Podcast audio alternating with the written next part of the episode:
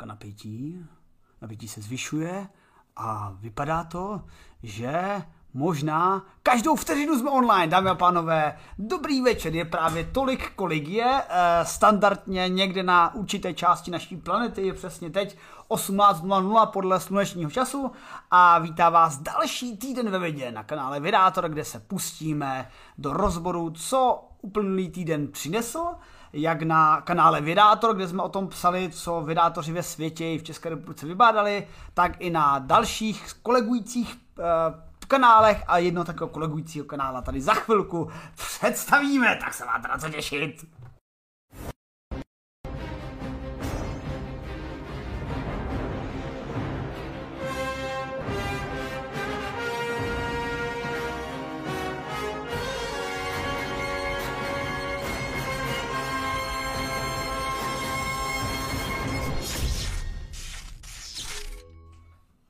Ti, co už nějakou dobu sledují YouTube, tak určitě už nějakou dobu sledují Farkyho, protože Farky, náš dlouholetý popularizátor vědy, je právě naším dnešním hostem. Nazar Farky!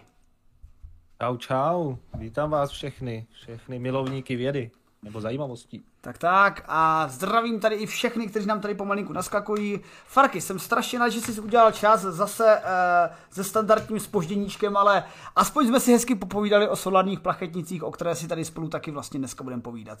Tak správně a navíc my jsme se dlouho neviděli, tak jsme museli probrat sami důležité osobní věci, takže tak, tak. nejde jenom o vědu, Samozřejmě, jsme i lidi, že jo. Jako, mo- ano, mohli jsme si pokecat třeba po pořadu, ale to, to kdo by to dělal dneska. Takže, přátelé, dámy a pánové, podíváme se, co si dneska s Farkim proletíme, prosvištíme. A dneska si prosvištíme Šest novinek, jak jsme uvedli v týdnu ve vidě, které jste mohli číst na kanále Vydátora, na Facebooku, na Instagramu a klidně i na našem webu vedator.org. Protože tady máme umělou inteligenci, která objevila neznámé proteinové komplexy, neboli zkoumali jsme proteiny v našich buňkách, kde, u kterých jsme si mysleli, že už všechno skoro umíme, a umělá inteligence nám naznačila nikoliv, nikoliv, je toho hodně, co nevíte. Uh, další, zůstaneme už té biologii, protože ty tam bude teda dneska fakt dost, takže budeme se dívat na replikující se xenoboty, což je výzkum, který už je tady s náma tak něco jako rok, rok a půl, dva a minimálně dobře popularizován a medalizován, ale xenoboti jakoby nový umělý život by se už mohli umět replikovat. A my se teda podíváme, jestli to tak skutečně je, nebo je to trošku jenom velkohubé prohlášení novinových titulků. Eh, když už budeme u velkohubého prohlášení novinových titulků, tak třeba Prima CNN v tomhletom v kontextu covidové pandemie dělá celkem medvědí službu a podíváme se, jak je to s covidovou pandemií a jedním výzkumem, který se podíval na očkování a na jeho vliv u delty, u varianty delta covidové. Uh, zůstaneme v biologii trošku prehistorické, protože se podíváme na supersaura. A jestli si z mládí, jako já, vzpomenete na Brachiosaura, což byl můj nejoblíbenější dinosaurus, jakože byl největší, tak možná, přátelé, byl Supersaurus větší, což mě zklamává už chudák Brachiosaurus. Co by na to řekl? No a máme tady dvě konečně nebiologické témata a podíváme se na solární plachetnici, která je solárně magnetickou plachetnicí a není to žádná sportovní náčiní, je to forma pohonu pro budoucí družice, které budou moci letět velmi vysokou rychlostí, třeba za hranice našeho solárního systému, za méně než několik milionů let. A mrkneme na fyziku v CERNu, protože CERN poprvé prohlásil, že zaručeně detekoval nepolapitelná neutrina, takže polapil nepolapitelné. Takže tak to dneska máme, dneska je to nabité, teda měl jsem, měl jsem co dělat s tím vším, abych to pojal jako fyzik materiálový s mechanickými vlastnostmi, najednou se tady na něho vrhají nějaký ksenoboti, umělé inteligence a tak vůbec, no. Fuh, jdeme do toho. Tak, co tady máme první? Podíváme se třeba na umělou, na umělý život. E, my už jsme o umělém životu se bavili před několika měsíci či více než rokem, že v podstatě vydátoři se pustili do uh, studia, který nazvali Xenobotů a jednalo se v podstatě o buňky žabky skákačky, skákavky, nebo nějak tak se jmenovala, mrška ta malá, kterou vypreparovali a ty buňky a pak vlastně ty buňky nutili uh, nutili se pohybovat, jak věci pískají. A v tomhle bodě já mám trošičku problém, nevím, jak to vidíš ty, Farky, ale co je ta definice umělého nového života a co je vlastně ten starý život? Protože jako vzít existující buňky a jenom jako tak nějak ohnout a donučit dělat to, co umíme, to mě nepřijde jako úplně moc, že vytváříme nový život. No tak jako známe to, osobně bych mohl říct, že podobně umím udělat auto tím, že si koupím ho a lípnu tam farky, značku a mám vlastní auto, známe to. E, říkal jsem si, že to je jako zajímavá zpráva, vytvořili život a pak jsem zjistil, že vlastně to je takový trošičku clickbait a moc toho věci nevytvořili, použili přírodu, která umí vytvářet, trošku si s tím za, za, zahráli, pohráli a nalepili na to nálepku jako páni tvůrci, tvůrci života, no, takže myslím si, že kdyby opravdu člověk vytvořil v laboratoři život, jo, nasypal nějaký, nějaký něco neživého, kousek kamene, ozářil to, ohřál to a začal by život, tak to by bylo trošičku něco jiného. Tohle mi přijde až zbytečně, zbytečně připálený název, no, jako výmá se to dobře, sám jsem taky na to koukal, jako vytvořili život a pak se vlastně, pak vlastně zneužili chudáci žabky, jo, a takhle to vypadá, no, takže já osobně bych nedělal takový halo, halo kolem toho. Samozřejmě, kdo tomu rozumí, tak ví, že to není úplně jednoduchý, ale revoluci bych ještě v tom neviděl, ještě nedokážeme eh, založit život. No, je to jak říkáš, protože eh, tady nejde o to, že by vzali atomy, nebo minimálně jako absolutně neživé prvky nebo sluky prvek, molekuly a možná i nějaké, řekněme, složitější uhlovodíky a že by to tak míchali a teď v jeden moment by se stal život a ten život by začal nějak interagovat a ne, nebavíme se o inteligentním životě, ne, že by se ti najednou na tebe podívá tvoje, uh, tvoje uh, tvůj chrchel, který vytvoří a řekne ti what's my purpose, do I have a soul? ale spíš jako, že začne se třeba pohybovat, nevím, směrem ke světlu nebo směrem k živinám. Ale ono je to o té definici života, ono, ono vlastně, je problém ta definice života. Já se znám s Jitkou Čejkovou, která studuje, uh, která je z komunity A-Life, neboli Artificial Life. A ona je chemicko-bioložka, a, nebo chemicko-fyzicko-bioložka. Když jsem teda viděl její pokusy, tak tam je to taky taky podobný, že ona třeba ukázala nějakou buňku a tam dala, dala tam eh, nějaké e, bludiště a na, na konci toho bludiště byl cukr, jako potrava pro tu buňku. No a ta buňka si našla cestičku tím bludištěm k tomu cukru.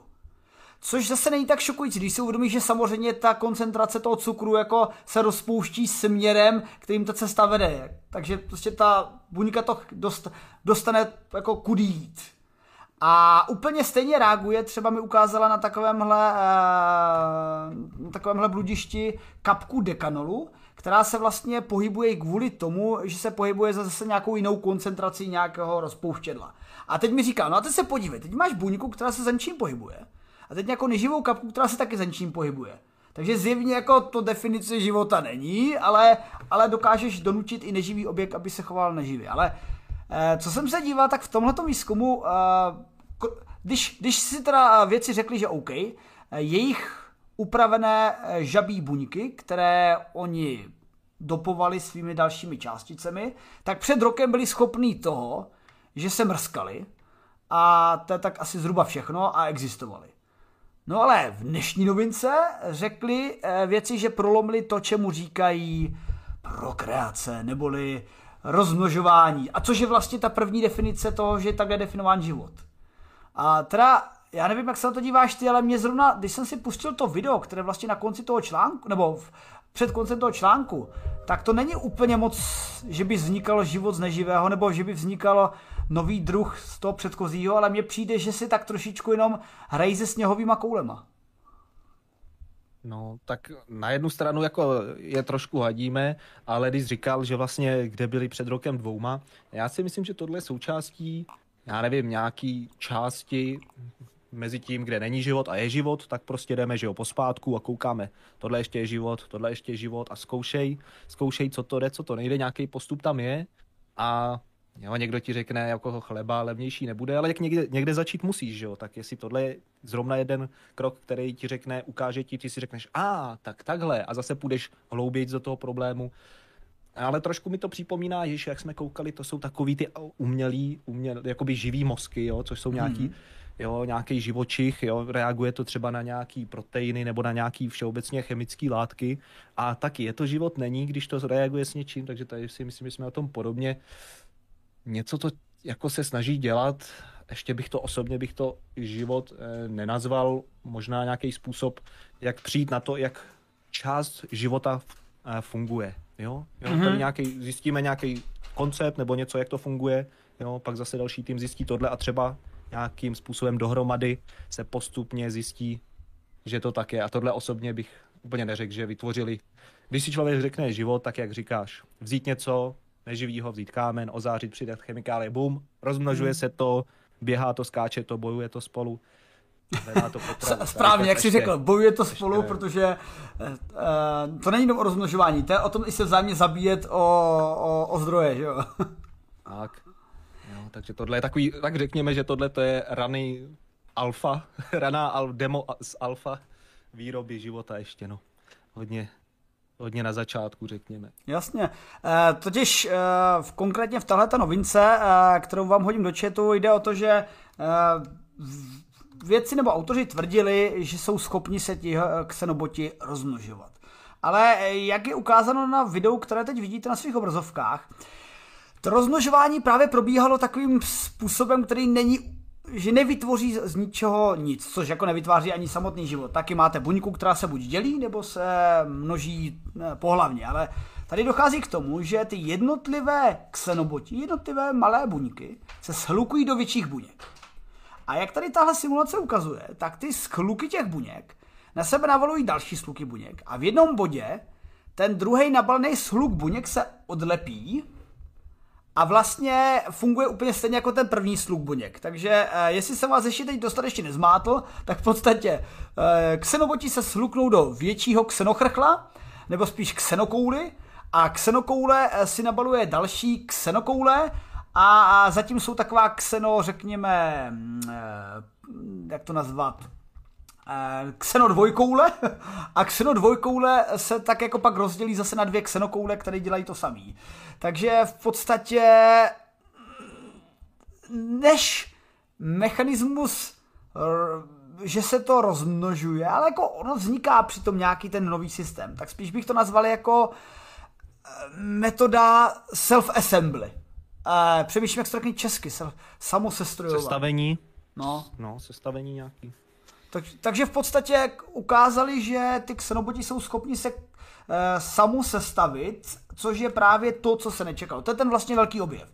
Že OK, tak jako oni ty xenoboti stejně dělají to, co jim ti věci vkládají za úkoly, protože do té eh, vypreparované buňky dávají různé další látky, které pak interagují třeba na vnější stimuly, takže se rozpínají, čím se pohybují a tak dále. Ale tady se ukázalo, že v rámci těch mechanismů, co ty xenoboty donutili dělat ty věci, tak se najednou začaly stukovat, protože to je výhodnější, řekněme, hmm, kinematicky nebo nějaký fyzikálně, eh, chemicky skoro už biologicky výhodnější pro ně, ale biologie se taky řídí, řídí chemii. A nakonec se prostě projevovalo to, že nad nějakou kritickou velikostí se v podstatě došlo k vytvoření dvou sluků, které pak fungovaly samostatně. Takže ano, umí se sestavit, ale umělý život to teda není. Ale mimochodem to téma je, umělého života je strašně zajímavý, protože dodnes vlastně nemáme nalezený ten bod, kdy Eh, nebo nemáme i ani poznaný ten mechanismus, při kterém se z chemických prvků na naší planetě po, po nebo při éře velkého bombardování najednou stalo něco, co bylo jednobuněčný život a pak už si to tak jako dovedeme představit. Jednobuněčný, více, mnohobuněčný a tak dále a tak dále. Vlastně o těch buňkách se dneska budeme bavit ještě v druhé novince. Ale, ale jako co k tomu přišlo, jako jakým bodě k tomu došlo? Jako, hele, jaká je tvoje preferenční teorie? Jako přišel, přišel Thor, praskl do toho kladivem a bylo to, nebo... nebo hele, mně se, no, mně se líbí tahle ta hypotéza a možná budeš vědět jaká. Je to úplně jednoduchý, že život byl původně na Marsu, došlo k nějaký planetární kolizi, zhluk odletěl sem, něco jako želůžky, něco podobného, teda želůžky by to nepřežili, ale něco podobného a rozkvetl se život tady. Teď si řekneš, a jak vznikl na Marsu? Ano, to už jsem se chtěl na někom jiným a přehazuju tohle, tohle míč dál. Takže asi tak. Tak to z mě dostat, člověče. Uh, uh, já pokud, pokud bych mohl do toho vložit svou vlastní hypotézu, tak já jsem potkal na jedné konferenci české výzkumníky, kteří se tomu věnují spolu s italskými výzkumníky a oni se napojili na takový jeden slavný experiment, ve kterém se dali základní uhlovodíky, které mohou být anorganického původu a vpustil se do toho v podstatě elektrický proud. A simulovala se atmosféra, která byla na naší prazemi. A výsledkem tohle experimentu bylo, že z toho vylezlo po těch eh, po tomu vystavení proudu a vyšším teplotám něco, z čeho se skladají báze DNA. Ještě se to neumělo replikovat, ještě to neumělo e, nějak jako re, reagovat jako život, tedy jako slukovat se to, přijímat energii a rozmnožovat se to, ale jako vytvořilo to ty prvky, které bereme jako základ života. A tak nějak čekáme, že by to mohlo být, že v podstatě v, do těch uhlovodíků mlátili blesky, e, jsem tam na okraji nějakého pádu asteroidu a něco se stalo. No a jestli jsou třeba mezi vámi více mm, spirituálně založení lidé, tak ty už to mají odpovědění hned a my, vydátoři, to musíme vybádat. Za sedm dní to bylo. No, pro někoho. Nicméně zase tady se dá přidat ještě, že v laboratoři můžeš strávit jenom určitý množství času. Jo. Tyhle podmínky tady mohly být kolik? Stovky milionů let, řekněme jo, kdy, kdy si ještě nejseš jistý, takže teoreticky na to bylo velké množství času, než jo, mohlo být mm-hmm. nespočet jo, pokusů, kdy to fakt nevyšlo, tak tak to vyšlo, nebo to vyšlo a třeba ten život zanikl. No, a jako mi teď si řekneš, můj, mým životním cílem nebo práce pro moji tuhle bakalářku bude vznik života a pak zjistíš, že ta tvoje práce ještě vydá na dalších deset životů, takže to není zrovna ideální téma, aby aby bylo hotový až po tvý smrti, no, takže já úplně je vidím, to těžký. Já úplně vidím tu baklářku, uh, autor, Bůh, uh, téma, vznik života, závěr, sedm dní je bylo hotovo. Dobrý, dobrý. Takže, uh, přátelé, na to, jak vznikl život a, a jak skutečně byla ta procedura, že z anorganického vzniklo organický, já myslím, já sám osobně věřím, tam standardní vědeckou odpověď, že do 50 let to budeme vidět, hned to co uděláme fúzi. Tak, ale víte, co ještě nevíme, přátelé? Jak fungují buňky? To by člověk řekl, že už to dneska víme. Teda eh, já nevím, eh, jestli Farky třeba si měl to štěstí, že jsi studoval na gymnáziu a měl si trošku biologie. Ano, studoval jsem na gymnáziu. No, tak ty jsi proti mě šprták, já jsem z průmyslovky. Tak to, tak to bych netvrdil, protože si z toho absolutně nic nepamatuju, ale, ale po, pokračuj. Já si, teda, já si teda z toho nepamatuju už vůbec nic, protože my jsme k biologii přičekli pouze v knihách a v časopisech v té době, když já jsem studoval na střední, tak internety teprve začínaly, až tak jsem starý, přátelé. No a každopádně eh, znalosti o tom, jak fungují buňky, máme z toho, že máme kvalitní mikroskopy, na ty buňky se díváme a případně jejich mechanismy studujeme i pomocí simulací, dneska už zase pomocí neuronových sítí. Ale e, ukázalo se při jednom experimentu, že úplně tomu, co se děje v buňce, nerozumíme.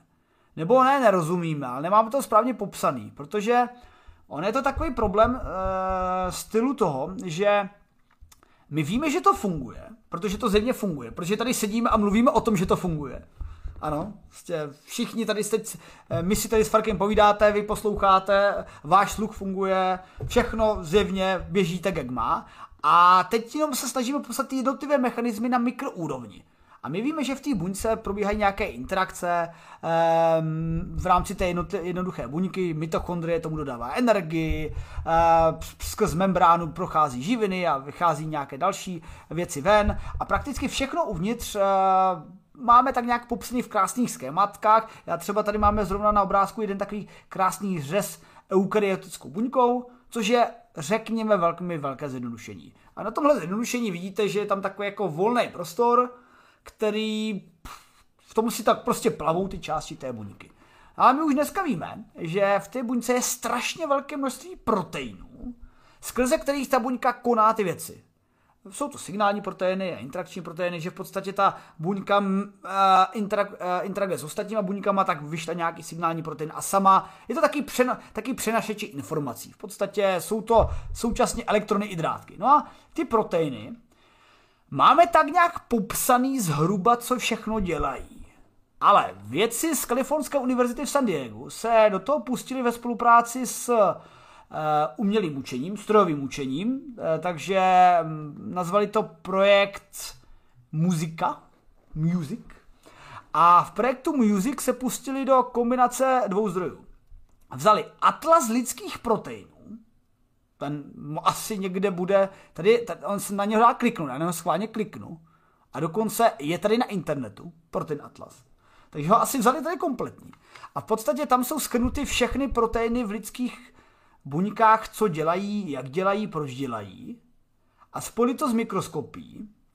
A jde o to, že mikroskopické obrázky, já teda s chodou okolností se zrovna věnuju mikroskopy na materiálové vědě, a jde o to, že ta mikroskopie vám dodá nějaké množství informací, hodně informací. Ale jde o to, že to vyhodnocujete vy. Tenhle ten mozek a tyhle ty očička. A vyhodnotíte to jenom tak, co umíte. A teď se, teď tahle ta umělá inteligence zjistila, že lidi toho moc neumí. Hele, já, já myslím, že umělá inteligence poslední dobou tohleto lidstvo ukazuje furt, ne? Hele, já si myslím, že pořád takhle. Umělá inteligence, jsou tady jako takové dvě roviny. Jako dneska máš, já nevím, osvěžovač vzduchu s umělou inteligencí a boty s umělou inteligencí, takže některý lidi už jako jsou na to slovo alergický, což je tady, tahle ta rovina umělá inteligence. Ale pak je tady umělá inteligence, jako říkáš ty, nějaký neuronový sítě, který začínají být jako velice potřebný, protože, jak říkáš, ty máš jenom dvě očička, dvě ruce, takže pokud máš nějaký soubor dat z eh, mnoha studií, mnoha uh, skenů, uh, tak můžeš udělat, pro, prohlídnout těch kolik? Desítky, stovky, mm-hmm. možná tisíce za nějakou dobu. Jo, umělá inteligence, pokud máš dostatečný výkon, tak to zvládne toho, to, to, co ty za, za týden v rámci vteřin, možná ani ne a z tohohle, řekněme, šumu informací dokážou už vyděbávat to, co by si ty třeba ani neuvědomil. Takže to si myslím, že to je právě ta, to je ta síla, něco jako máš právě krásně na webu knížečky dvě, kdy tyhle ty věci si myslím, že jsou budoucnost, jo? že nebudeme mít lidi, kteří sledují, jak říkáš, koukat do mikroskopu a sledovat jednotlivé věci, ale bude to prostě nějaký už ne mikro, ale makro, i kdyby to mělo být i kdyby to mělo být nějakou simulací a prostě už se to bude dělat ve větším, ve větším množství. Jeden příklad je mm-hmm. třeba, což se už používá dneska, když doktoři sledují uh, nějaký zdraví pacientů, a dám příklad třeba uh, nějaký problémy se zrakem, jo, tak to dávají do nějaký uh, online kartotéky a pak byly testy od Google, projeli to umělou inteligencí a ta zjistila třeba u 100 lidí, že by mohl být problém. Jo, jsou tam malé variace, což třeba člověk nezjistí a šup, jo, tak ti to řekne, na to bych se podíval, doktor na to koukne a jhle, může tam být problém a to by mohla být třeba zdravotní péče budoucnosti. S tímhle, jak říkáš ty, nevíme ani co nevíme a umělá inteligence nebo všeobecně neuronové sítě budou mít tak, si myslím osobně, takový brutální výkon, že prostě to bude to, pustíš to na to, hodíš tam data a už budeš koukat, co to vůbec je. Ani jsi netušil, že tam vůbec takovéhle věci jsou jako tady, jak mm-hmm. je mhm. něco třeba moc komplexní. Ono, uh, ono je někdy důležité si uvědomit vlastně, co ta umělá inteligence umí, protože ono, to slovo umělá inteligence skoro naznačuje to, co jsme říkali v minulé novince, Xenobot je úplně nový život a která se rozhodne vlastním, díky vlastnímu rozumu a má třeba vyšší IQ než my, tak ono, jako ono to tak není. Ono je to spíš o tom, že ona dokáže eh, třeba v tomto případě, kdy sledovala to, co se v té eh, buňce děje pomocí mikroskopie, tak ona dokázala z těch nasledovaných věcí uh, odlišit různé aspekty chování těch proteinů. A konkrétně ta umělá inteligence vzala uh, záznamy z fluorescenčního mikroskopu, uh, což je mikroskopie, že máte když velmi, je, velmi rychle schnutí kompletní mikroskopie dvou přednášek do dvou věd, tak máte mikroskop, kterým se díváte a zvětšujete si zorný úhel oka. A v jisté velikosti už se prostě na to nezvětšíte to víc, tak máte třeba elektronovou mikroskopii. No jo, ale elektronová mikroskopie ty vlhký vzorky moc nemusí, tak se musíte trošku vrátit. A hodná je fluorescenční mikroskopie, eh, jak, kdybych se chtěl dívat na nějakou část něčeho v těle, tak tam třeba píchnu zvýrazňovák a teď to krásně vidím. No a to fluorescenční mikroskopie dělá. No v podstatě naváže se určitý zvýrazňovací marker na tento daný, v tohle konkrétním příkladě protein a proto a pak vidí vlastně ten jeho průběh, jak tam interaguje a může ho natrasovat. A taková tohle to všechno má ještě jako různé upgradey, že se používá kryogenická, že se tako, to zmražuje, aby byl ten pohyb zastaven, že se dělá více fázová a tak dále a to už, jsou, to už je na další povídání. No ale oni v podstatě vzali tyhle ty mikroskopické záznamy, které jsou fakt na absolutní vrcholu toho, co jsme schopni z mikroskopy. Teď se bavíme o mikronovém rozlišení a submikronovém rozlišení. A tohle to právě projeli tím strojovým učením.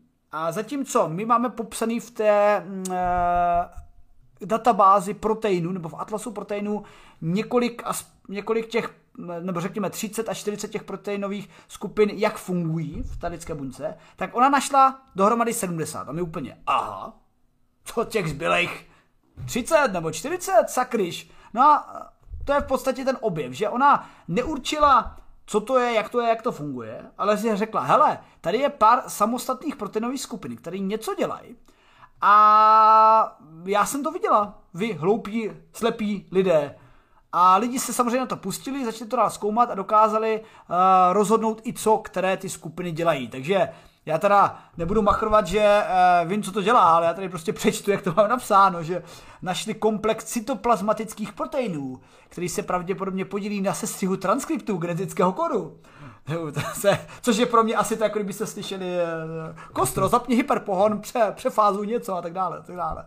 Ale funguje to. Takže uh, jde o to, že to strojové učení opět pomohlo uh, zrychlit výzkum, na který řekněme věci nemají početnost a čas, protože já vždycky říkám, že neuronové sítě jsou něco jako čínští doktorandi. Kdyby si měl výzkumný centrum, představ si Farky tvůrce eh, obsahu popularizačního na YouTube a teď místo, abys měl Farkyho a pár dalších spolupracovníků, nebudeme teď řešit, kolik jich máš nebo nemáš, a kdybys náhodou měl tisíc čínských doktorandů, který by pro tebe stříhali, natáčeli, ještě ti stavili barák, sekli zahrádku, vařili. No nebylo by to super? Samozřejmě. Nás mnoho, jak se říká v Rusku, jo, takže počtech je síla v tomhle případě. No a to v podstatě dělá neuronová síť a oproti těm čínským doktorandům, kteří spolu moc nekomunikují, tak ta sama se sebou komunikuje. Díky tomu je schopná co zjistit. Já třeba sám jsem neuronovou sítí pracoval při analýze dat a přesně jak říkal Farky, že něco, co lidi zvládnou za stovky, tisíce, nevím, záznamů, tak mě, mě trvalo něco jako 500 záznamů zpracovat asi tři měsíce a neuronovka to zvládla asi tak jako za tři minuty, tak to bylo takové smutné, ale já jsem mi to musel naučit. Takže tak no. Uf, takže to byla biologie. Já teda Krasnoje plavě mě tady nenápadně sleduje náš fanda, protože on studuje biologii na univerzitě, takže já se snažím co nejméně do toho zabrušovat do hloubky, ale klidně příště zaspolupracujeme a protože každá korelace našich biotémat eh, je pro mě velmi hodnotná, protože dneska, nebo tenhle ten týden nebyly biologické jednotky a podjednotky dostupné na korelaci, tak jsme si museli poradit. A pojďme se bavit o něčem méně, méně kontroverzním, Farky, třeba očkování. No, tak to je normální, na tom se všichni shodneme, ne? Jo, tak hele. Hele, stihl už si dvě dávky, asi jo, že jo? Já jsem nestihl žádnou, já se přiznám. A, a začíná tu kontroverze a to jsme teprve v desáté sekundě. Tak a můžeme dát tady boj, dvě dávky proti nulodávkaři, ale já proti tomu nic nemám, pokud by to chtěl někdo dostáhnout. Jo, jak, jak Farky, jak si dá radši, já nevím, co to používají, bělidlo nebo savo různí lidi v nějakých státech, tak já osobně jsem pro, jenom když jste od rána do večera na stavbě a chodíte, za poslední měsíc jsem byl venku asi jednou, a použí a jste tak nějak slušný, samozřejmě zakrytý všechny cesty a kontrolujete se, tím myslím testy, tak Jasne. já jsem po a covid jsem měl, mě nezabije. Vím, že já nepoznám, že ho mám, takže to je jo. dobrý a pro mě je důležité, abych nenakazil ostatní, takže Jasně. asi tak. No a vidíš, a já jsem třeba covid měl a ono je fakt fascinující na tom, jak ten covid prochází fakt úplně rozdílně u každých lidí.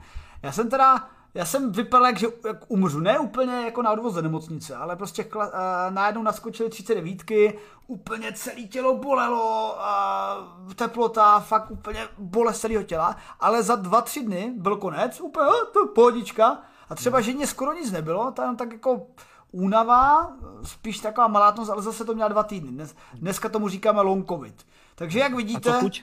Měl chuť, nestrátil jsi? Přišel jsem oni, bylo to fascinující, já jsem to byl úplně fascinovaný. To bylo ještě v do, ve, ve, ve chvíli, kdy jsem úplně jako ne, nezdechával, protože že jak přijdeš o chuť, a to je poprvé, co jsem jako v mém životě vědomém přišel o chuť. A ty úplně, wow, jdem to zkoušet, co s tím Experimentoval. No tak jistě. Jo. Protože já jsem, já, já si pamatuju, že jsem si dával špagety s chili, uh, s takovou tu sladkou chili omáčkou, takovou tou, a teď jsem to ochutnal, říkám, no to chutná jak ocet. To je divný. tak, tak jsem pak ochutnal horčici, která pravda trošku chutná. Horčice v sobě ocet má.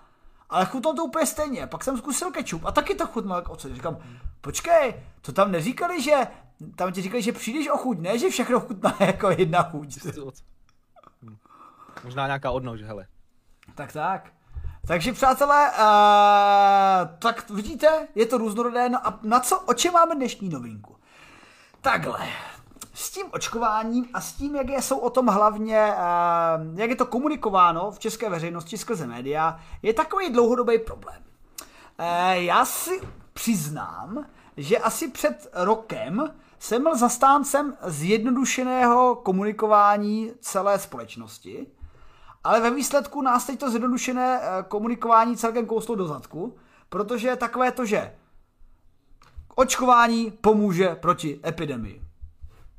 Myslím, že na tom se shodneme oba dva. No. A to v podstatě teď, a neřešilo se jak. Ono se jako někde, samozřejmě, když, když se, se chtěli číst jak, tak se se dočetli, že očkování eh, rozhodně má jako první úkol, jsou dva úkoly. První úkol má snížit těžký průběh. To znamená, že COVID dostanete z největší pravděpodobností i když jste očkovaný ale nemáte těžký průběh, takže to znamená, že nemáte zápal plic, nemusíte do nemocnice a v podstatě si to prožijete relativně Výjimička prostě. pohodě. S očkováním. V ideálním případě jako očkovaný budete mít průběh jako neočkovaný farky. Tak bych to zjednodušil. Možná, no to byste chtěl, protože já jsem o tom nevěděl, fakt. no jasně. No a, ale, uh, je, ale ten covid je, má trošku problém, že velká část populace ho má právě lehký, takže si říká, to nic není, sakra, to nic není, to nic není. Ale přesto prostě říkáš, no tak co, tak prostě dostaneme covid a bude to v pohodě. No a pak jo, hodně, hodně lidí, obzvláště starších, takhle končí potom na jibkách, protože nakonec to je trošku drsnější. Protože třeba my, kteří trávíme více ve komunitách společnosti, já teda učím své studenty na štěstích teda ne naštěstí, bohužel jich tolik nemám na svých přednáškách fyziky, ale aspoň je víc tím neohrožuju, tak eh, principálně jde o to, že to očkování má eh, zmenšit těžký průběh. Já se teda nebudeme úplně probírat celý covid, protože to jsem se rozhodňovala v minulém týdnu ve vědě a nakonec mi to zabralo půl hodiny. Ale sekundární efekt e, očkování je, že se zpomalí šíření infekce. Ale říkám, to není hlavní princip, protože ta infekce se šíří u očkovaných. Dokonce v současnosti z antivaxerské komunity se ozývá i takové pojmenování, že současná epidemie je epidemie neočkovaných. Hele, eh, jak se na to díváš, jak se, jak se to objevuje v mediálním prostoru ty? Já právě to nechci moc sledovat, páč si myslím, že teď nevím, jestli to beru já blbě, ale že některý třeba jako úmysl je dobrý, ale berou to děsně blbě, jo, ty média. Jo, třeba v rádiu, moc rádio neposlouchám, ale slyším takové ty věci, že udělejme za koronavirem tečku a dejme si očkování, jako a občas s, lidma, se kterými jsem se bavil nebo psal, tak to jako berou, že se dáš naočkovat a zmizí to. Jo, a když jsi naočkovaný, tak jsi prostě nesmrtelný a kdyby bylo očkování proti autobusům, tak můžeš skočit na silnici a jak super hrdina. A přijde mi, že jo, někdo, nebo tyky různý blogy, takže lidi třeba to nepochopí a už to tak překrucujou. Stejně tak i na druhé straně, jo, zase, že, že neočkovaný, že když já teď nejsem očkovaný, tak jsem roznašeč. No, takže asi tak, ale myslím, že... Počkej, jako... a Farky, ty na mě prskáš přes mikrofon, já se cítím... neboj se, vir můžeš dostat tak jako tak, jo, ode mě. Možná trošičku jiný, ale je to možný. No, a myslím si, že by to chtělo nějak uchopit trošičku profesionálně. Možná jako doktoři to berou dobře, ale zase opět by to chtělo nějakého influencera, kdo ví, jak promlouvat lidem, jak to, Hmm. aby to, pochop, aby to pochopili, jo, aby přetlumočili to, tu hatlamatilku lékařskou na něco, co, čemu rozumí normální člověk. Jo, protože sám víš, když přijde člověk jako z fachy, tak asi nechce sednout k počítači a zkoumat, jak funguje očkování a podobně. Nebo ho to ani nenapadne, takže tam si myslím, že je ten problém. Ale jinak já s tebou souhlasím. Takže S tímhle, s tím, chceš no. říct, že by to chtělo nějakého in, influencera? Je Škoda, že neznáme žádný vědecký popularizátory. Neviděl jsi někdy nějaký? Jo, Tak jo třeba- někoho, kdo má třeba občas hosta, který tomu přesně rozumí a mohli Mhm. společně vidět. Nějaký jo, takový jeden farky nebo vydátor. To... Jo, nebo jedátor, no. Někdo, kdo, kdo má hosta, který to umí a druhý, který to dokáže přeložit do češtiny, no. Do ličtiny, no. Hele, tak Bohužel, no, není o to zájem, tak co ti na to mám říct? Jo, a tak a, a, asi, asi to těm influencerům napíšeme. Naštěstí třeba a, takový kreativci a tvůrci eh, kvalitního obsahu, jako třeba Patrik Kořenář, jehož videa mohu jenom doporučit, který právě témata, já to možná ještě v, v velké rychlosti zkusím. Patrik Kořenář, co vid? Video o tom, o jak funguje očkování, ne? Nebo nějakou historii? Jo, jo, přesně tak, přesně tak. On má právě speciál, eh, všechno o covidu, je to speciál. Já tam teda hodím, hodím náhodně jeden díl, který je z páté, ale eh, v podstatě fandové si najdou i první, druhý, třetí, čtvrtý. Tam to krásně pomalu popisuje a relativně dobře, protože mně se stala nedávno taková věc. Mně se ozvala kamarádka, a která se mi neozvala už hodně let. A úplně, Jerone, hele, eh, jak se máš? Co dítě? OK, OK. A teď jsem, a furt jsem čekal, že teď něco přijde. Ona, Kdy to přijde? Kdy to přijde teď, jako že třeba potřebuje, přes, potřebuješ? potřebuje potřebuješ? přespat, nebo potřebuje půjčku, nebo co. Tak. A teď se ptala, hele, já jako uvažuji o tom očkování a teď jako potřebuji se tě zeptat. A říká, aha, OK. A protože říká, no na internetu je tolik protichudných informací i v médiích a já vlastně nevím, co se o tom má myslet, protože jako jedni tvrdí, že jo, samozřejmě musíš, protože jinak zabiješ lidstvo tím, že se naočkuješ. A druzí říkají, pro boha, ty ovce si hloupá, teď jako A zabiješ boj. sebe a své děti. A, a, tak jako chtěla o tom vědět, tak napřed jsem se snažil vysvětlovat něco jako rychle dvěma, třema větami, ale samozřejmě mi pak došlo, že to takhle úplně neuspěje. A po velkém přemýšlení jsem jí doporučil právě Patrika Kořnáře a ty jeho videa, takže ty fakt jako stoprocentně doporučuju. Eh, Já jsem si to nakonec na starý kolena pustil až teď nedávno, protože jsem to předtím sám neviděl, takže rychle tady reklama z vydátoři, už to tam, už to tam jede. Eh, No a, a ten to popsal pěkně. A když se teda pobavíme o tom, co očkování dělá a nedělá, tak očkování, eh, nebo data, která očkování máme, jsou především vyskoumaná z varianty alfa, protože ta už tady byla dostatečně dlouho, aby na ní bylo dostatečně velké množství článků, a takže byly testy na velkém statistickém množství. A co jsme předtím věděli, je, že ačkoliv očkování nemíří na e, neinfekčnost, protože i očkovaný můžete být infekční a šířit to dál, ale virová nálož v, uči, e, v dutině nosní je menší, když jste očkovaný, a proto můžete méně být infekční a méně to šířit. Takže není to tím, že najednou nešíříte, že nejste neinfekční, takhle to nefunguje. Furt jste infekční, ale máte menší počet virových částic. Samozřejmě to záleží, tam je zase strašně moc proměných. Věk, Ale jsme, jsme lidi, každý jsme jiný, takže každý je takový unikát v tomhle. tak jasně. tak no. Jo, někdo víc, někdo míň. No ale, ale jako očkovaní uh, byste měli mít menší uh, virovou nálož. Ale, a teď je to velké kapslukem psané ale, tenhle ten výzkum probíhal na variantě alfa. A jestli pak, Farky, víš, co, jaký je problém tohoto výzkumu v současné korelaci? No, já si myslím, že alfa už se z ní trošku změnila. No. Malinko. Já si myslím, že alfa je tak sk- dneska už pase jako klobouky. Protože už tady máme variantu, čověče, už jsme skončili Omikron. Omikronu, že jo? A... No, oni přeskočili, takže to není tak hrozný, ale stejně alfa a omikron to není tak blízko, jo, jak by člověk potřeboval. A jestli pak víš, proč je přeskočili, to je taky dobrá storka. No já jsem viděl jenom jediný co, jelikož je pán na VHO dosazen od pání, pánů z Číny, takže to něco připomínalo název čínského prezidenta, něco podobného. Ale to jsem viděl jenom na internetu a, a neměl jsem potřebu to zkoumat, měl jsem důležitější věci na práci. Takže jestli víš pravou podstatu, tak se rád přiučím. A přesně jak jsi řekl, v podstatě mělo tam být ksí, nebo chý, nebo ksí, nebo tí, nebo jak, ani nevím, jak se to četlo, a to v podstatě připomínalo jméno prezidenta Číny a ještě tam bylo písmenko ní. A problém bylo, že transkripce by říkala jako new, a to by moc jako, jako new coronavirus, jako new varianta a to by tak mátlo a anglicky mluvící publikum, že že se to přeskočilo, skočilo se k Omikronu, ale zatímco jsme u Omikronu, tak my nemáme ani pořádně data kolem Delty. Until now.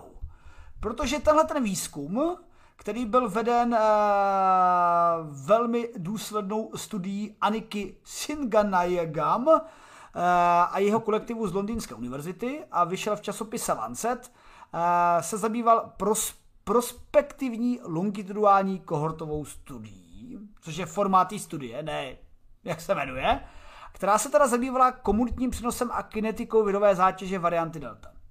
A co to pro boha je takováhle typ studie?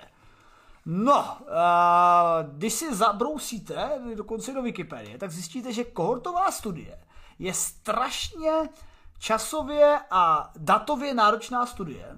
Já, jak slyším datově náročná, už tam chci dvat uh, umělé učení, aby to pomohlo, ale v tomto případě to není teda principální, principální jako myšlenka, že by se do toho zapojilo, uh, zapojila umělá inteligence, ale šlo především o dlouhodobé zpracování dat ohledně delty. A oni si v podstatě v rámci třeba epidemiologie, nebo v rámci konkrétně epidemiologie, oni testují nejen to, že třeba ten virus se šíří rychle, protože má vlastnosti viru. Ale ona se tam třeba řeší jako o tom eh, v rámci té komunity víc faktorů. Nebo je to takzvaná multifaktorová studie. Jako jestli, jak je to v rámci věku, jak je to v rámci predispozic, že jste třeba obézní, jak je to v rámci zdravotního stavu a tak dále a tak dále. A všechny tyhle ty faktory se sečtou, rozdělí, nebo ne, nesečtou, právě naopak rozdělí a studuje se jednotlivý efekty v jednotlivých skupinách. Ona, a kdybych tady měl číst všechny čísla z této studie, tak to, jako, to bude trošičku na díl. Ale e, v rámci e, tohoto výzkumu bylo v podstatě 163, což není moc. 163 nakažených lidí variantou Delta a teda 163 PCR pozitivních a z nich 71 bylo nakažený variantou Delta, takže méně než polovina. A právě eh, v rámci tě, zjišťování těchto skupin se zjistilo, eh, jaké jsou třeba průběhy a tak dále.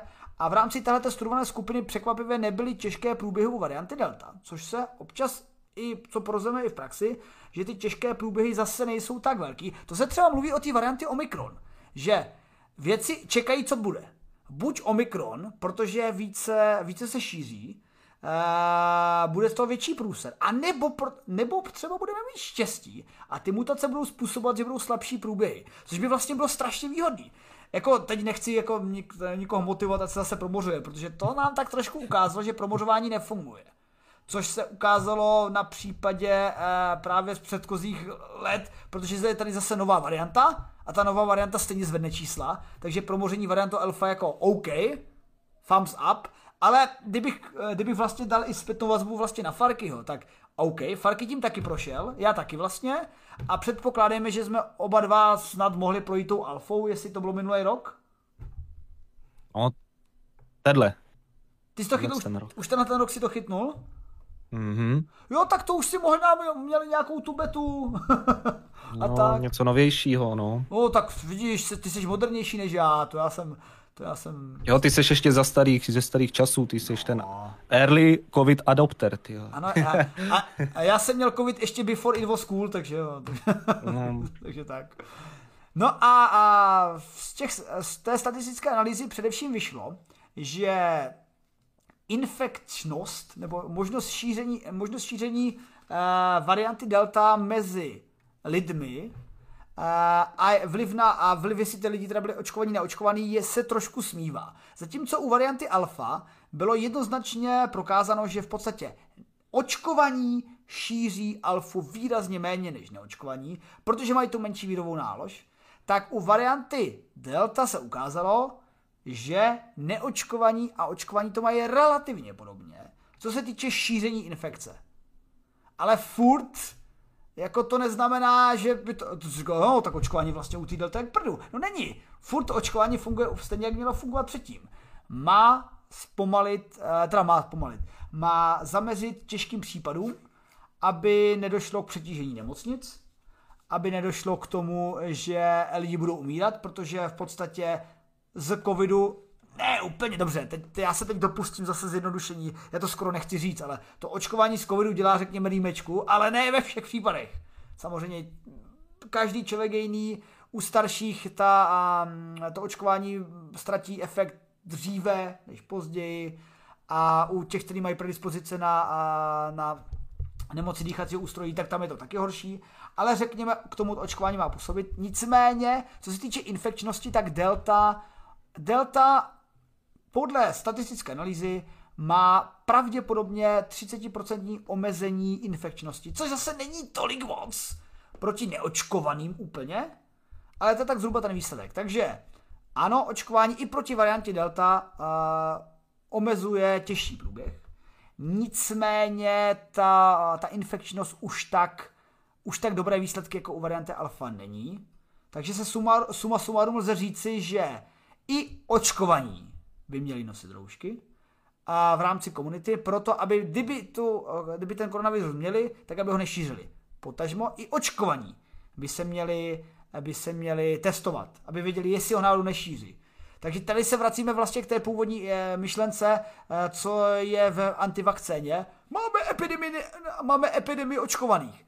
No, nemáme ještě, protože i o těch 30% je to furt lepší, ale to zjednodušení, že očkovaní jsou supermani, by se asi mělo přestat už fakt používat a je to fakt o té zodpovědnosti.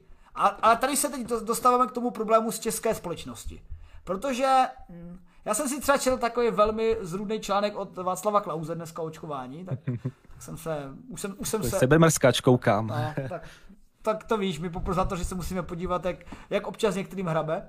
Eh, no a a tam právě bylo zmíněno, že vlastně takhle, já jako očkovaný jsem řek, řekněme zodpovědný, takže když jsem přijel z, z mých zahraničních cest, tak jsem se šel testovat, abych věděl, že ho nemám ten covid, že ho nešířím ten covid. Ale velká skupina očkovaných v současnosti je spíš ta, která si řekne, no tak já se teda očkuju, když, ty, když je k tomu nutíte, abych, abych mohl mít všechny zpátky ty výhody. A vlastně proto ta vláda ty výhody dává že jste očkovaný, tak můžete chodit jako do práce, nemusíte se testovat, ano, roušky se nosí v práci a tak dále, ale nemusíte se testovat. A teď je o tom, že tihleti, co konečně mají ty výhody, když přijdou z práce, tak jako já se bojím, že... do kina, tím... do restaurace, no, chápem. No jasně. Takže já se bojím, že s tím bude takové jako horší, horší pořízení. Na druhou stranu, hele, na druhou stranu já to vidím tak, aspoň za mě, uh, že už čím dál tím krok za krokem máme to očkování se, eh, ta proočkovanost se zvyšuje, i jsme na něco, jako já jsem teda překvapený, jsme jenom na 60%, já už jsem myslel na 70, ale tak dobré, jsme na 60% a opatření se... Já se omlouvám, omlouvám se. Jasně, no, tak, tak ty nejseš... Kvůli mě taky. Tak jako, tak, ale hele, v, v rámci tohohle streamu jsme jenom na 50%. Pravda. to je pravda musím se sem pozvat ještě nějaký hosty. No nic. Uh, takže, takže každopádně uh, je, je to o tom, že i očkování by si v kontextu variant Delta a variant Omikron měli uvědomit, že nejsou supermani a že ho můžou šířit. A, ale v tomhle bodě přicházíme na takový hlavní společenský problém. Kdy to skončí? To bude tohle opatření na furt? No, skončí to ve chvíli, kdy zjistíme, že už ten covid že jsme tak proočkovaní, nebo ten covid je tak oslabený, řekněme, a ty nemocnice jsou tak v pohodě, že vlastně už nehrozí jejich eh, přetížení a my můžeme prostě chytat covidíčky a bude nám dobře. Takže asi tak to skončí. No ale jako já osobně jsem, já jako já doufám, dobře, není, není to, je to, je to názor fyzika, ale snad za rok a půl už by mohl být relativně návrat k starším pořádkům. Uf. To, to jsem se zase rozohnil. Sorry, že... Rozohnil v dobrý. Hele, já jenom jedna taková, co jsem slyšel, což je super. V ideálním světě, kdyby každý měl možnost se izolovat, dejme tomu na dva týdny, všichni na celé planetě, každý by se zavřel v místnosti, měl by jídlo, záchod, cokoliv. Jo, takže kdyby se celá planeta na dva týdny izolovala, tak covid zmizí. Jo. Takže je škoda, Právě, že no. prostě jako teoreticky je taková možnost a přitom vždycky se najde jeden, jeden člověk, který si řekne, já jsem zdravý, ať už očkovaný nebo neočkovaný, nebo si řekne, že má svou svobodu, plivne to a už to zase jede pokud jede nějakým HDčkem. Takže to je takový smutný, že teoreticky je možnost vyhubit prostě covid do dvou týdnů nad celý planety, ale toho se nedo, nedočkáme, no. No, to jako, já se nedivím, jako všichni nejsou tak spokojení jako my dva, že si sedneme k počítači a maximálně se projdeme kolem domu, no. Lidi prostě chtějí chodit no. ven, chodí, chtějí chodit do hospod. Ale můžou chodit k nám, budou zdraví, no počkej, budou posilovat. Ale co kdyby tě nakazili? Však já, hele, já můžu stát u lesa a jenom jim ukazovat, jako, co kam mají nosit, víš co, jako kdyby chtěli, to není problém. Tak, takový poset no. bys měl. A nebo viděl jsi pana prezidenta? Mohl bych si takovou budku taky na místě se jako jo, stlouct s plexisklem a už bych jim říkal, co se kam má dělat a bylo by.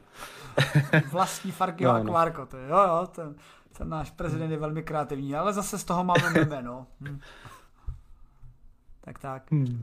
Tak jo, tak uh, myslím, myslím, že co se týče, co se týče biologie, tak jsme se skoro vyčerpali. Tak pojďme do... Můžu jenom k tomu, no, k tomu covidu, jak jsi říkal, ten Omikron nebo případně i jakákoliv jiná verze mutace, je občas je to takový battle, jestli někdo hrál třeba, jak se to jmenuje, e, ta mobilní hra, jak se snažíš vyhubit lidstvo. Znáš ji? E, Plík, Plík Inc., Plague no. Inc., jo, nějak tak. Takže tam je krásně vidět, jo, když je ta nemoc smrtelná děsně, takže se na ní hned přijde a naopak, když, když je když je málo smrtelná nebo je úplně normální, tak to může být něco jako u nás rýma, že jo. Žijeme tady s rýmou, s chřipkou a je to v pohodě. Ideální by bylo, kdyby prostě covid dokázal zmutovat tak, že by se šíleně rychle šířil, ale byl by extrémně slabý v podstatě k ničemu. To si myslím, že by bylo pro nás, pro lidi nejlepší, mm-hmm. jo? Mhm. že by se to rozšířilo okamžitě, vy, vyhubili se ty, jak říkáš, alfa, beta, delta, všechny tyhle ty mrzáci a zůstal by jen takovýhle chudák, slaboučkej, vyzáblej, vyhu, na, na kost vyhublej covidík, který by se uměl jen šířit a nic jiného. To si myslím, že by bylo asi nejlepší a to by mohlo skončit. No. A na to se v podstatě čeká, no, jako, že tohle by mohlo pomoci potažmo uh, jako původní myšlenka totiž byla, že se proočkujeme tak rychle a tak plně, že se ta infekčnost, i když bude třeba zpomalená o 30%, nebo pomenšená o 30-40%, ne jako eh, těžší průběhy, ale ta infekčnost. Takže jako, že se to celý tak nějak jako stihne zastavit, protože všichni budou dodržovat opatření, hmm. všichni Aha. budou doma a nebudou to šířit, ale tento plán... Myšlenka dobrá, ale bohužel všichni ano. víme, jak, to, jak svět chodí. No. Každý Každý není tak dokonalý, jako jsme my tady dva, no. Nebo případně naši diváci, samozřejmě. Myšlenka to byla dobrá, ale pak to nebylo pro lidi, bohužel. hmm. Tak tak. No hele, a, a když se podíváme, e, naštěstí, lidstvo tady stále je. Oproti takovým dinosaurům, který tady už nejsou. Protože neměli tak. kosmický, kosmický výzkum. O kosmickém výzkumu, ale to do vesmíru si dneska ještě povídat budeme, ale dneska se pobavíme o těch nositelech toho, co oni neměli, a to byli dinosauři, protože vědci přišli na to, že možná objevili největšího dinosaura, anebo vlastně rovnou dva dinosaury a, a možná v tom roce 72 v Kolorádu někdo prostě udělal chybu a tak jak je to, Farky, prosím tě? Tak samozřejmě nechci se nikomu vysmívat, ale když najdeš kost, která je vyšší než ty, jo, nemáš nějaký, je to vlastně první, první nález, tak asi by bylo, ale ležej tam ty kosti přes sebe, tak by člověk řekl, že to asi nebudou tři druhy dinosaurů nebo čtyři, který zrovna v průběhu milionu let umřeli na tom samém místě a že jde prostě o jeden kousek, tak z toho se stavíš kostru a vznikne ti obří obří, jak se říká, hovado, ultrasaurus v tomhle pří, případě.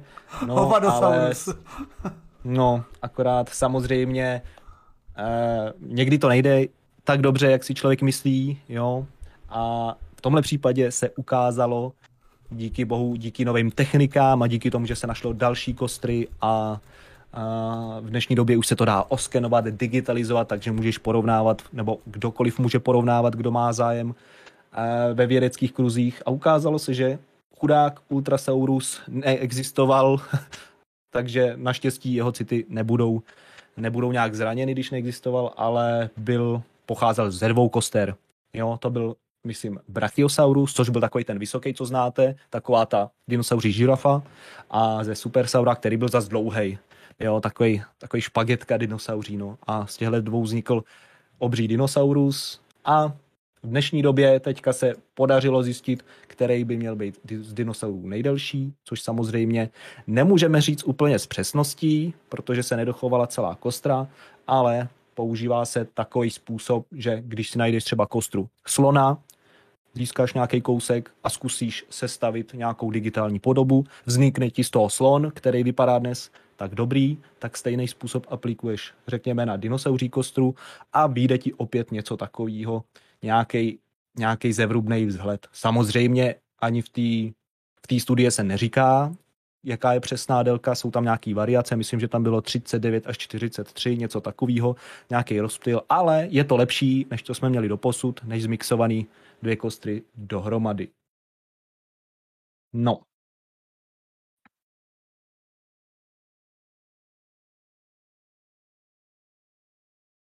No. Tak. Tak myslíš, nemyslíš, že to byl omyl? Já, já si myslím, pokud našel největšího, tak to bylo koukni, co jsem našel! E, nechceš to proskoumat? Ne, je to největší dinosaurus! Nechceš to proskoumat? Ne, je to největší, víš co? Trochu by mi to připadalo dnešní dobu. Musí to být v článku za každou dobu ještě, za každou cenu ještě dnes, no. Ale tak nebudeme, jako osobně bych nepoznal ani, že jde o, o dinosaura, občas si lidi můžou splíst kostru i s nějakým uh, skamenělým stromem, protože to jsou fakt jako, jako nějaká stehní kost dinosaura, to je, to je něco. Pokud jste neviděli, můžete kouknout. A jako za mě,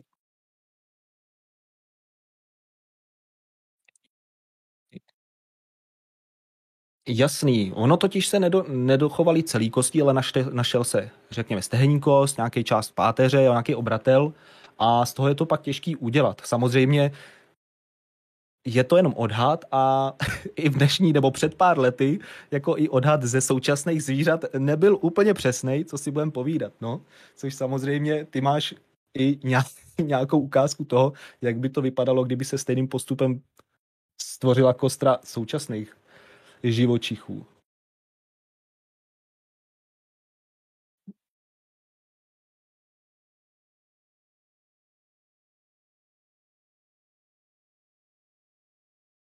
Tady, kočka, tady je krásně vidět, jak prostě jim dávali, že to jsou chudáci podvyživený, jo? Jsou vidět ty žebra, chybí jim nějaká svalovina a vypadají teda hrozně. Jasný, no.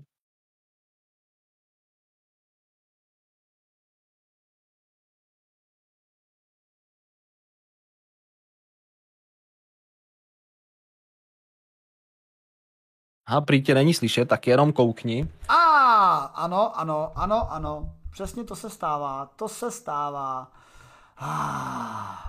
Tak a já jsem viděl, že ten mikrofon nemám dávat a nemám ho zapínat, ale naštěstí si velkou část dinosaurů řekl ty, takže já jenom eh, dodám, dodám to, co jsem... Uf, ještě, že tahle novinku jsem tam neměl moc mluvit já, takže, eh, takže jsem nám říkal, že eh, mnoho zajímavostí z toho, jak se určovali dinosauři, o kterých máme kosti a nemají svaly, tak kdybychom to, nebo jak říkal Frank, kdybychom to aplikovali dneska, tak v případě tady máme, tady máme opičáka, bebuna, tady máme zebru a tady třeba kočka a labuť, jako tak ty jsou velmi, velmi skvostné. Jako toho bych se bál jako určitě, jako nějaký labutě. Jo, takže teoreticky u nějakých dinosaurů dneska známe ty vyhublí velicoraptory, představte si, že by mohli mít bříško, macatý nohy, jo, možná by nebyli tak strašliví, no, ale z toho důvodu prostě je to, je to těžký určit, jak to vypadalo, ale zhruba si myslím, že těch jako, jestli máte stehenní kost jako strom, tak tam jako rozhodně to nebylo malý zvíře a myslím si, že tam to zas to zas tak nepokazili, no. Otázka je, jestli se nedochová ještě třeba nějaký větší, větší tvor, ale za mě je to prostě nesmysl, že mohlo žít takovýhle zvíře, no. Mm, ale uh, zajímavý je, že když se řekne největší dinosaurus, tak on to zní prostě jako, OK, největší, no ale teď, jak jsi říkal už předtím, tak ono máme, ten Supersaurus by měl být nejdelší. Ano, správně, délka. A přitom nebyl tak těžký. No a při, Říkali protože... tam kolik? 30? 30 tun asi? 30, 40? Jasně. No a přitom, přitom takový Argentinosaurus, který rozhodně nebyl největší co do délky, ani výšky, tak je nejtěžší. Takže to máš těžký. Je to taková krychlíčka Argentinosaurus. Co si jak vypadal, člověče? Argentinosaurus. Já myslím, že měl takovou hlavu vejš. Neměl to jako diplodok nebo diplodokoid. Diplodokus, myslím, ne? No a byl osvalený, co si budem povídat. Ale jedna zajímavost, co třeba jedna zajímavost je, jak prostě máš tyhle masivní dinosaury. Teď nevím, kolik, je jich, kolik se dožívali, bylo to v rámci desítek let, řekněme, mohlo být 40, 50, 60, jo, to už tolik nezáleží. Takže v případě dospívání tyhle, ty, tyhle ty, uh, šíleně obří dinosauři prostě dorůstali v rámci několika desítek kilogramů denně, což je, což je šílený. Jo? Jak se prostě z malého tvora, který se vlíhne z vejce, stane něco takového. No. To je vlastně pravda. No, to, to, když to teď říkáš, to je vlastně to uh, šílený to uvědomění si, jak safra rychle rostou. To je skoro tak, jak roste můj synek, člověče. tak, Hele, až ho uvidíme s dlouhým krkem, tak aspoň ho poznáme. Ale doufám, že proti mě nebude vypadat jako Argentinosaurus tady proti tomuto nebohému človíčkovi. Ne? Hele, aspoň bude hrát dobře basketbal, když už nic jiného, hele. Ale člověče, eh, byly teď nějaký trailery na Jurský park a eh, zase velké zklamání. Žádní opeření a... dinosauři. Eh, teď myslíš co? To je hra, myslím, ne dvojka? Myslím Nebo... film film. A to já už jsem zlomil hůl nad nima, ty už moderní, už mě tolik neberou.